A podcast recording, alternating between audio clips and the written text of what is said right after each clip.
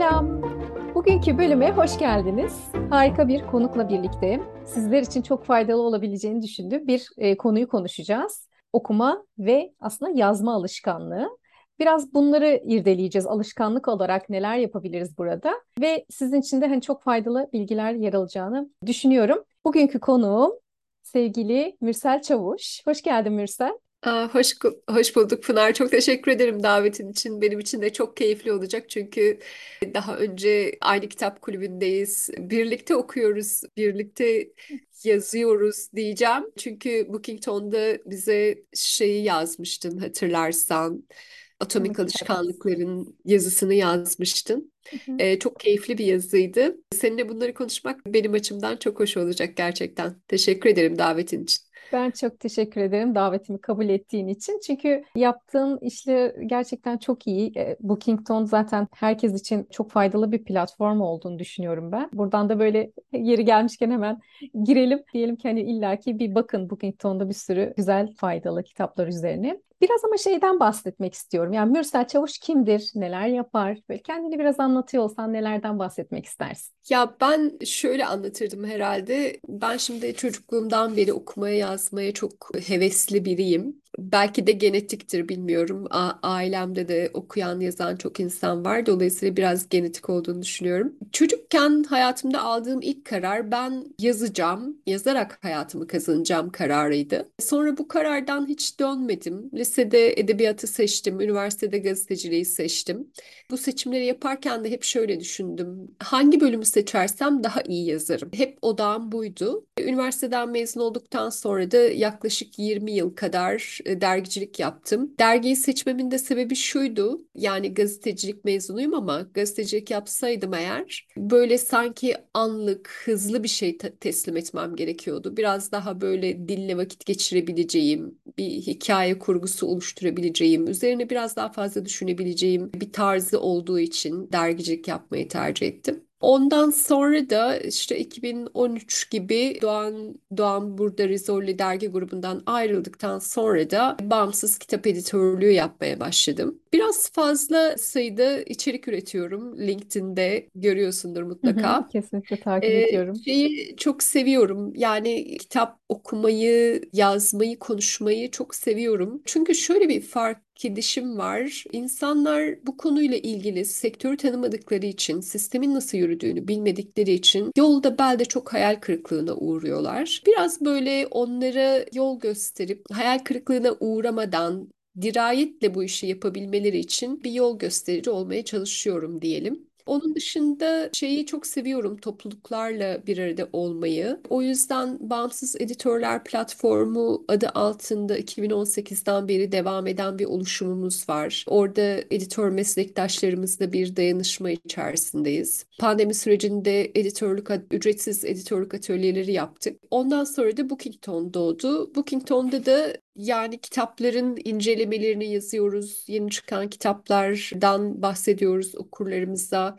Yazarlarla söyleşilerimiz var, uzmanlarla söyleşilerimiz var. Yayıncılık dünyasını okurlara anlatmaya, biraz daha okumayan insanlara okumayı teşvik etmeye ya da yeni kitaplar keşfetmelerine vesile olmaya çalışıyoruz. Orada da 88 editör olarak gönüllülük üzerine bir çalışma yürütüyoruz. İnşallah bir şeye faydamız olur. Yani okuma ve yazma alışkanlığının artmasına faydamız olur. Bir de Bahçeşehir Üniversitesi'nde editörlük eğitimleri veriyorum sürekli eğitim merkezinde. Orada da muhteşem insanlarla tanışıyorum. Çok güzel katılımcılarımız var. Onlarla hep birlikte okumaya, yazmaya devam ediyoruz. Sen anlatırken şunu fark ettim. Gerçekten birincisi insanlar kitap yazma süreçleriyle ilgili zorlanıyorlar ve o sürecin nasıl ilerlemesi gerektiği konusunda eğer yenilerse zorlanabiliyorlar. Diğer taraftan okuduğum kitaplarda da editörlük kısmında tam tabii ki ayrıntılı bilmiyorum hani neler yapılıyor o kısımda ama e, kitabın okunup okunmamasıyla ilgili de kısımda illa o kontrolün güzel iyi yapılması ihtiyacını görüyorum. Çünkü mesela çok güzel bilgiler veriyor, çevirisi kötü olmuş. Bilmiyorum editörlük bu kısımda nasıl müdahale ediyor bu çevirinin doğruluğuna yanlışlığına? Ama gerçekten kitabı sevip sevmeme kısmında onun bir kontrolden iyi geçiyor olması o sevgiyi arttırıyor yazı azaltıyor diyebilirim. Kesinlikle fark dersin. ediyor. Orada tabii Türkiye'nin durumuyla ilgili çok hikaye var. Şöyle ki mesela yayın evleri elbette çok iyi çevirmenlerle çalışmak ister. İyi çeviri editörleriyle çalışmak ister. Ama bazen kitap satışının çok düşük olması bu konuda yayın evlerini kısıtlamaya gitmek zorunda bırakıyor. Dolayısıyla yeni başlayanlarla çalışmak zorunda kal kalıyorlar. Çeviriler iyi çıkmayabiliyor. Editöre para yatıramayabiliyorlar. Çünkü gerçekten hani yaptığınız işin karşılığını alabilmek kitap camiasında çok zor. Yılda 70 bin tane kitap çıkıyor. Her bir kitaba bir para yatırıyor yayın evleri. E, yatırdıkları parayı ne kadar geri kazanabiliyorlar? Bu çok büyük bir handikap yayın evleri açısından. O yüzden de ne yazık ki kitapların niteliği düşüyor. Bazen işte son okumacı için bir para ayıramadıkları durumlar oluyor. Bu durumda işte çok fazla imla hatası çıkıyor kitaplarda. Ben de çok kızıyorum, kızıyordum eskiden. Ama o kadar hani ucuca gidiyor ki bu işler. Bazen de yayıncılara bir şey söyleyemiyorum gerçekten. Şöyle bakıyorlar diyorlar ki ya hiç çevrilmemesindense bir eserin çevrilmesi işte bu eserin en azından Türkçe 3-5 okura ulaşabilmesi daha iyi gözüyle de bakanlar var. Dolayısıyla biraz bu işler ekonomi ve biraz da tabii iş etiğiyle de ilgili süreçler diye e, özetlemiş olayım. Evet çok haklısın. Düşünüyorum bir yandan tabii o açıdan da bakmak gerekiyor maliyetleri vesaire. Biz tabii okuyucu gözüyle bakabiliyoruz. Ben de bir dönem Solo Unitas yayınlarında son okumada görevliydim. Öyle gönüllüydüm aslında. Okumayı ben de sevdiğim için senin gibi. Okurken illaki gözüme takılan cümle uyuşmazlıkları vesaire bunları raporluyordum. Çok da keyifli bir yandan ama Yok. okumayı gerçekten keyifli hale getirmesi, o akışta kalıyor olması önemli. Peki sen hani okuma ve yazma süreçlerini böyle ikisini de önümüze aldığımızda onlarla ilgili böyle alışkanlık, gerçi senin eskiden bu yana merakın ve ilginle de mesleğini ona doğru taşıman var ama ne dersin yani alışkanlık kazanma ya da bu okuma ve yazma süreçlerinin birbiriyle bağlantısı konusunda? Neler söylemek istersin? Şöyle birincisi bunlar kolay kazanılan alışkanlıklar değil. Ben çocukken de ilk kararım yazacağım olduğu için kendimi yazmaya çok zorlamış biriyim. Önüme bir defter, bir kalem alıp sürekli günlük tutmaya çalıştığımı hatırlıyorum. Bu günlük tutmaya başlama eylemi e, benim için çok zorlu bir süreç olmuş. Şimdi dönüp baktığımda eski günlüklerime bakıyorum denemişim. iki ay sonra bir kez daha yazmışım. Sonra bir buçuk ay sonra bir kez daha yazmışım. Sonra bir kez daha denemişim. Arada bir üç ay yaz dönemi girmiş. Sonra tekrar denemişim vesaire. Yani orada her gün yazma disiplinine kavuşana kadar aslında tekrar tekrar günlük yazmayı denemişim. Çocukluğumda kendime bu alışkanlığı zorla kazandırmak benim işime çok yaradı. Özellikle üniversite sınavı döneminde. Aynı zamanda okumak için de aynı çabayı sarf ettim. Ama bu konuda biraz daha şanslı olduğumu söyleyebilirim. Çünkü daha çocukken bana çocuk dergileri almaya başladı annem. Sordu da yani e, bunları almak istiyor musun diye. Ben de çok isterim dedim. Daha sonra çocuk dergileri sayesinde de bir okuma alışkanlığı kazandım. Bir de şöyle bir anım var. 20 kuruş harçlık alıyordum tane kırtasiyecimiz vardı Seçkin amca. Ee, orada böyle bir e, kitap standı vardı. İşte 70-80 sayfalık çocuk kitapları satılırdı. Bu 20 kuruşun 16 kuruşuyla simit gazoz alıp 4 kuruş arttırıp biriken 20 kuruşla her cuma akşamı kendime bir kitap ısmarlıyordum. Hmm, süper. böyle bir alışkanlık edinmiştim. O dönemde işte o alışkanlığa sahip olmak, o para biriktirmek, işte biriktirdikten sonra cuma günü işte gidip kendime bir kitap ısmarlamak, o kitabı bir hafta okumak, işte okuduktan sonra tekrar yenisini almak benim için müthiş bir deneyim oldu. Dolayısıyla yani özetle şunu söylemek isterim. Alışkanlıklar çok kolay kazanılmamakla birlikte e, ne kadar keyifli hale getirilirse, ne kadar denersek, vazgeçsek de bir daha bir daha denersek o kadar başarılı oluyoruz bu konuda. Samuel Beckett'in bir lafı var. E, çok severim. Hep denedin, hep yenildin. Olsun gene dene, gene yenil, daha iyi yenil diyor ya.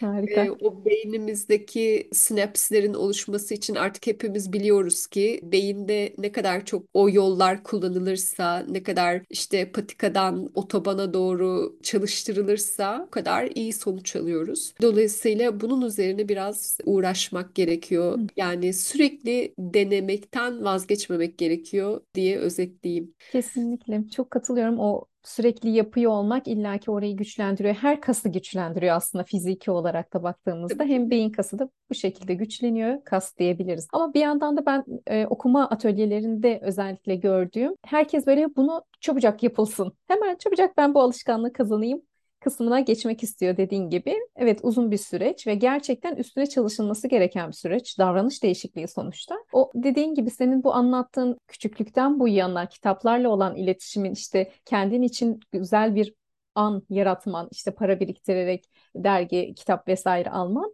Aslında bunlar bizim kimliğimizi gösteriyor. Yani hep ben de çalıştığım zamanlarda ve atölyelerde kimliğin ne şu an ve nasıl bir kimliğin olsun ya buna nasıl katkı sağlamak istersine odaklayarak aslında bu süreci tasarlamaya çalışıyoruz birlikte. Çünkü aslında senin örneğin Mürsel'e sorsak, Mürsel çevresine sorsak, ailesine sorsak, yakınlarına sorsak nasıl bir insan kısmında büyük ihtimalle kitap okumayı seven bir insan diyorlardı değil mi? Ya da ne Kesin diyorlardı? diyorlardır.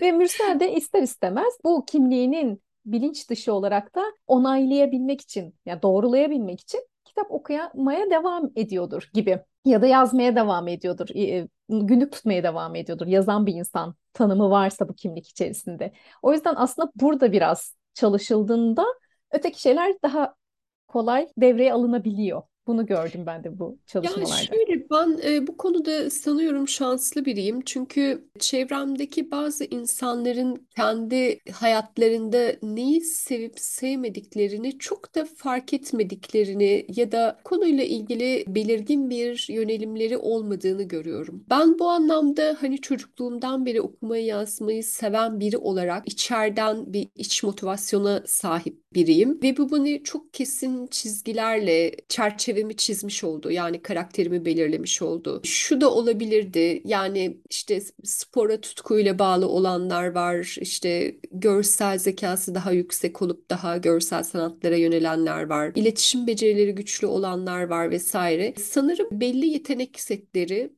insanların alışkanlıklarını da ciddi anlamda belirliyor diye düşünüyorum. Ama senin söylediğin bu karakterinde ne olmak istiyorsun? Bunun üzerine çalışma durumu da çok kıymetli. Çünkü eğer insan böyle bir şeye karar verirse bir süre sonra gerçekten efor sarf ede sarf ede başka bir kimliğe ya da kişiliğe bürünebiliyor. Ben kendi üzerimde de çok çalışıyorum açıkçası. Başka bir şey olmasını istiyorsam mutlaka bununla ilgili aksiyon alıyorum ve bu daha da zor bir aksiyon oluyor. Çünkü insanın kendi yetenek seti özelinde çalışabilmesi çok kolay. Çünkü zaten içeriden bir motivasyonu var.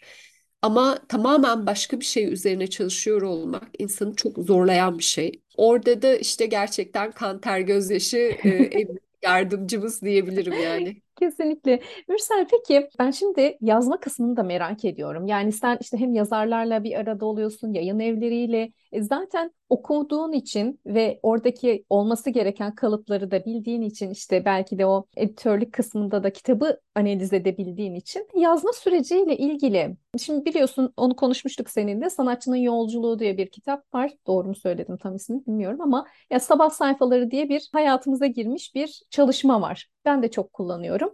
Aslında günlük tutmak değil, aklımda ne varsa dökeyim bir temizleyeyim aklıma şeklinde yazdığım sabah sayfalarım var. Bu arada Evet. çok fazla da görüyorum gitgide yayılıyor. E, sen nasıl bakıyorsun? Yani bu gerçekten sabah sayfaları o serbest yazım kısmı yazmayı da geliştiriyor mu? Bu konuda bu çalışmaları Hani yapmak isteyenler için neler önerirsin? Ya kesinlikle geliştiriyor. Yani şuna fixlemek istemiyorum. Şimdi Daniel Pink'in Ne Zaman kitabı var. Orada bilişsel kapasitenizin en yüksek olduğu saatte çalışın diyor. Çünkü insanları üçe ayırmış. Sabah insanları, öğle insanları, öğlen, gündüz çalışabilenler. Bir de gece kuşları diye üçe ayırmış. Dolayısıyla orada hani illa sabaha fixlemek istemem. Ama bilişsel kapasitemizin en yüksek olduğu saatlerde yazıyor olmak çok kıymetli. Bir de şöyle bir kıymeti var. Biz genelde bin kelime yazılmasını tavsiye ediyoruz. Buradaki bin kelimenin de esprisi şu. Normalde hepimiz bazı şeyleri ezberden yaşıyoruz ya.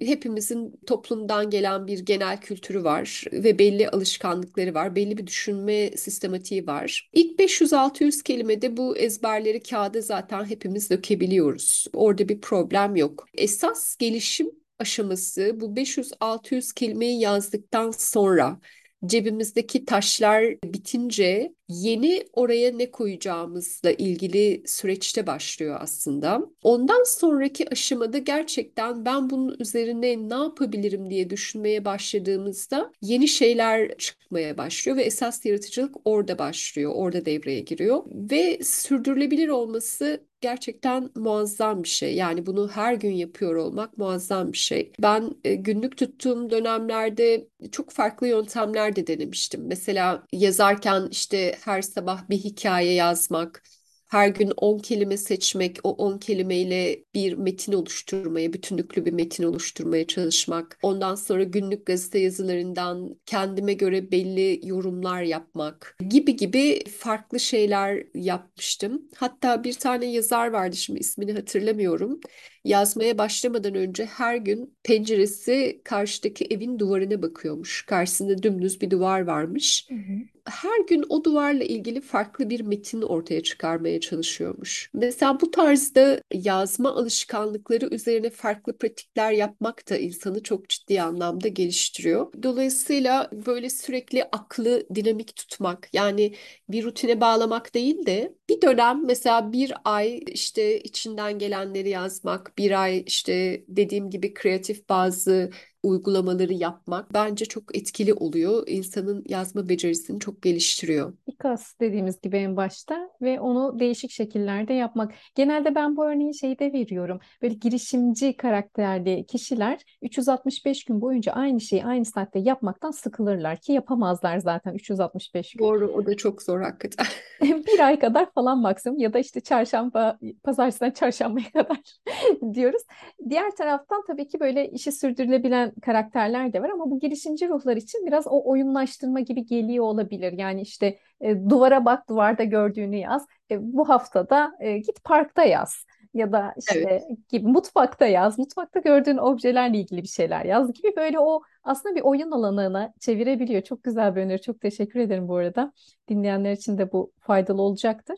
Peki varsayalım ki yazma süreciyle ilgili böyle çalışmalar yapıldı. Bir de az önce sen bahsetmiştin hani kitap yazmak isteyenler için de bu süreçleri çok hakim olmadıkları için zorluk yaşayabiliyorlar dedi. Biraz da ondan böyle bahsediyor olsak yani şu an dinleyenlerden kitap yazmak isteyenler varsa neler yapmalılar bununla ilgili? Şöyle, şimdi kitap yazmanın belli aşamaları var. Bu aşamaları biz kabaca dörde ayırıyoruz. Bir tanesi planlama, ikincisi yazma, üçüncüsü yayınlatma, dördüncüsü de tanıtma aşamaları. Şimdi bu aşamalardan bir tanesi eksik olduğunda kitap başarısız oluyor. Bu arada bizim fokus olduğumuz yazma aşaması mesela bunu planlamayla da beraber düşünmek lazım. Bir kere yazıyoruz ama niye yazıyoruz? Hedef ne? Amaç ne? Kendimizi neden yazan biri olarak düşünmek istiyoruz? Buradan bize bu işin katkısı ne olacak? Manevi anlamda ne olacak? Maddi anlamda ne olacak? Nasıl birine dönüşeceğiz gibi soruların e, başta cevaplanması lazım. Bir de insanlar şöyle hani kitap yazmak herkes için bir hayal gibi Türkiye'de. Hı hı. E, herkes bir kitap yazmış olmak istiyor. Ama bunu insanlar böyle bir hayal gibi kurguluyorlar. Aslında bu bir business, bir iş yani. Dolayısıyla bilgisayar başına geçip de 100 sayfa biri yazdığı zaman bu bir kitaba dönüşmüyor. Ama çoğu insan bunu böyle zannediyor. Daha e, Yani yabancıların e, şimdi biz genelde şöyle yapıyoruz. Bir ilk taslak yazıyoruz. O taslağı kitap zannediyoruz. Yabancılar buna vomit draft diyor, kusmuk draft diyor Hı hı. aslında. Kitabı kitap yapan, o kitap üzerinden beş altı farklı geçilmesi gereken aşama var. O aşamalar geçtikten sonra ortaya çıkan ürün aslında.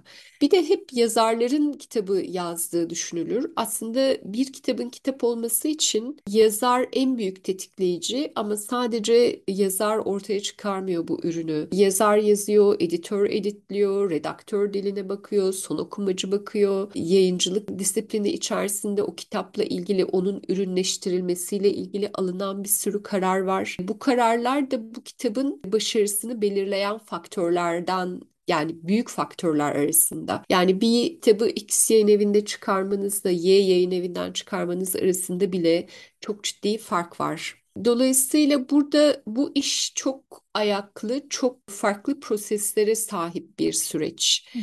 Bu süreçlerle de ilgili yani bilmeyen insanların eğer ilk kitaplarını yazıyorlarsa bu işi bilen biriyle yola çıkmalarını ben şahsen çok e, tavsiye ediyorum. Bu şekilde belki daha sağlıklı bir noktaya taşıyabilirler ürettikleri e, kitabı. Kesinlikle. Bir yandan dediğin gibi yani editör de önemli. Sonuçta yazdığı, yazılan yazının gerçekten kitap haline getiren aslında editör değil mi? Az önce bahsettiğin gibi. O yüzden editör seçimleri de önemli diye düşünüyorum. Evet, orada tabii şu var, editör geçilmesi gereken aşamaları bildiği için yazarı bu konuda yönlendiriyor. Yani yazar metnin içerisinde yani hayatta da böyle biz bir noktada duruyoruz. Durduğumuz noktadan sadece önümüzü görebiliyoruz aslında. 360 derece bir görme kapasitemiz yok. Editör hem yazar tarafını bilen hem okurun beklentilerini bilen hem yayıncıların beklentilerini bilen kişi olarak bu üç ayağı da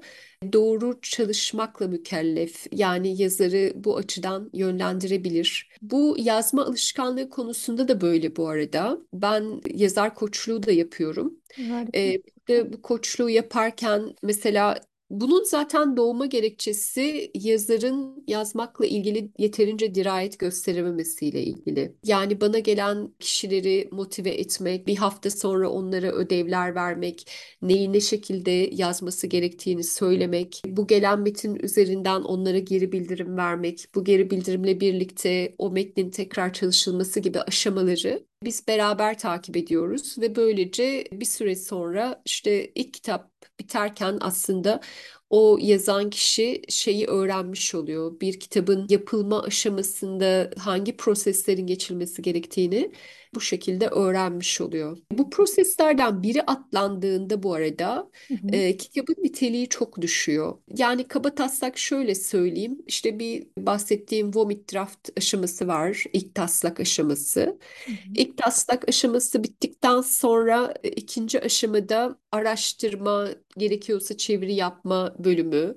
Ondan sonra bu metinleri aynı dil çerçevesinde bir bütünlüklü hale getirmek yani kurgusunun yapılması. Bu kurgu bittikten sonra işte tablolar çalışılacaksa tabloların çalışılması, ek metinler olacaksa ek metinlerin konması ve daha sonrasında da dille ilgili problemlerinin çözülmesi kitabın gibi farklı farklı aşamaları var. Bunların hepsini tam yaptıktan sonra zaten çok güzel bir kitap çıkıyor ortaya. Şöyle bir genel hani görüşmemizin akışından bahsetmek gerekirse, öncelikle yazma alışkanlığı okumayla birbirini besliyor. Okumalıyız ki onu böyle dolup taşsın, ardından yazmaya dökebilelim. Ya da zihnimizdeki her şeyi yani hayatımızın e, içine yazmayı bir şekilde dahil edelim. Bu bir şeyler yazmak yani kitap yazmak dışında da aslında mental sağlığımız için de kendimizi daha net görebilmemizi sağlayan bir süreç. Onun dışında da bu yazma süreçleri de belki de hani bir kitap yazmak istiyorsak da onu destekleyen bir kas haline gelmiş olacak.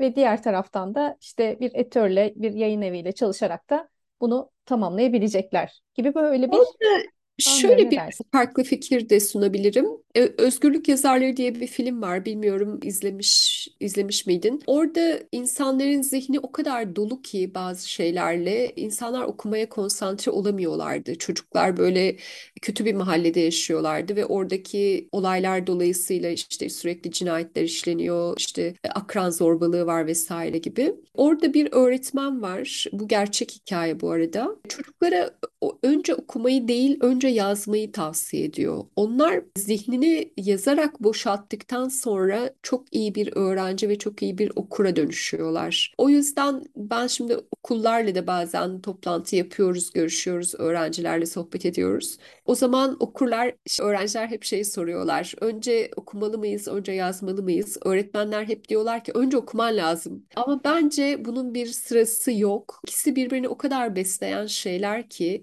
bence sırası hiç fark etmez. Önce yazmaya başlayabilir insan ama sonra eksiklik hissediyorsa bu defa gerçekten okuyarak kendini daha da ileri taşımak isteyecektir diye düşünüyorum. Kesinlikle katılıyorum. Çok doğru. Zihni boşalttı çok net bu arada. Hani denemeyenler için kesinlikle Evet. E, ben sabah sayfalarında 3 sayfa yazıyorum o sanatçının yolculuğu kitabında olduğu gibi. Yarım saat falan sürüyor ortalama ve gerçekten temiz bir zihinle güne başlamak gibi güzellik veriyor. Evet, peki yazma alışkanlığını konuştuk. Biraz işte kitap yazmak isteyenler için önerilerde bulundun. Böyle görüşmenin böyle yavaştan sonuna gelirken Neler söylemek istersin? Bu alanlarla ilgili neler önerirsin? Ya da önermek istediğin kitaplar var mı? Videolar var mı? Yani kitap olarak James Clear'ın tabii ki kitabı e, Atomik Alışkanlıklar muhteşem bir kitaptı. Birlikte okumuştuk kitap kulübümüzde, Evet. Değer Yaratmanın Formülü kitap kulübünde. Alışkanlıkların gücünü beraber okumuştuk. O da çok kıymetli bir kitap bence konuyla ilgili. Şeyi çok tavsiye ederim. Barış Özcan'dı değil mi? Evet. Zincirleri Kırma diye Hı bir hı. e, videosu Evet. var. O videoda bu alışkanlıkların kazanılması için hani her gün yapmaya kendini zorlama kısmı bence çok kıymetli. Onu herkese mutlaka denemesini isterim. Ben de böyle çalışıyorum işte. Her gün yürüyeceğim dediğimde mantar panomun üzerinde o günkü şeye çentik atmak, kutucuğa çentik atmak bence muhteşem kıymetli bir şey. Bir de ben e, sporu çok önemsiyorum. Okuyan yazan insanlar için bence olmazsa olmaz şeylerden bir tanesi kafayı boşaltmak için bir spor yapmak. Yani beden çalışmayınca zihin de çalışmıyor. Ben ne zaman mal etsem spor yapmayı mutlaka zihnimde bir şeyleri toparlamakla ilgili güçlük çekiyorum. O yüzden en azından yürümeyi, sabahları qigong yapmayı ve güne bir meditasyonla başlamayı şiddetle tavsiye ederim.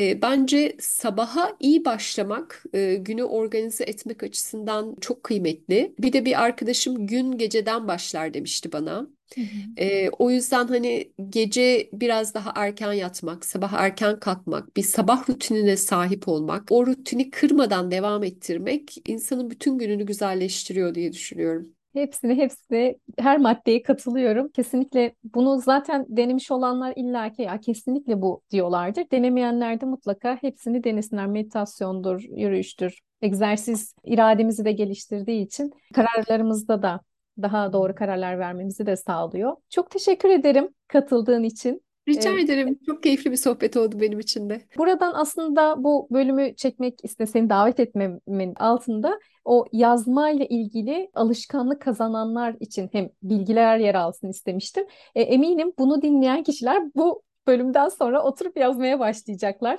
Öyle hissediyorum. Ve bize de bununla ilgili geri dönüşlerde bulunurlarsa seviniriz, değil mi? Bize yazsınlar. Bu arada sana nasıl ulaşabilirler? Aslında benim bütün sosyal medya hesaplarım aktif. Yani web sitemden ulaşabilirler. LinkedIn hesabımı çok aktif kullanıyorum. Oradan ulaşabilirler. Instagram hesabım çok aktif. Twitter hesabım da aktif. Her yerden ulaşabilirler. Nursel Şimdi Çavuş yazıp her yerden ulaşabilirler aynen e, özetle. yakında TikTok hesabım da aktif olacak inşallah.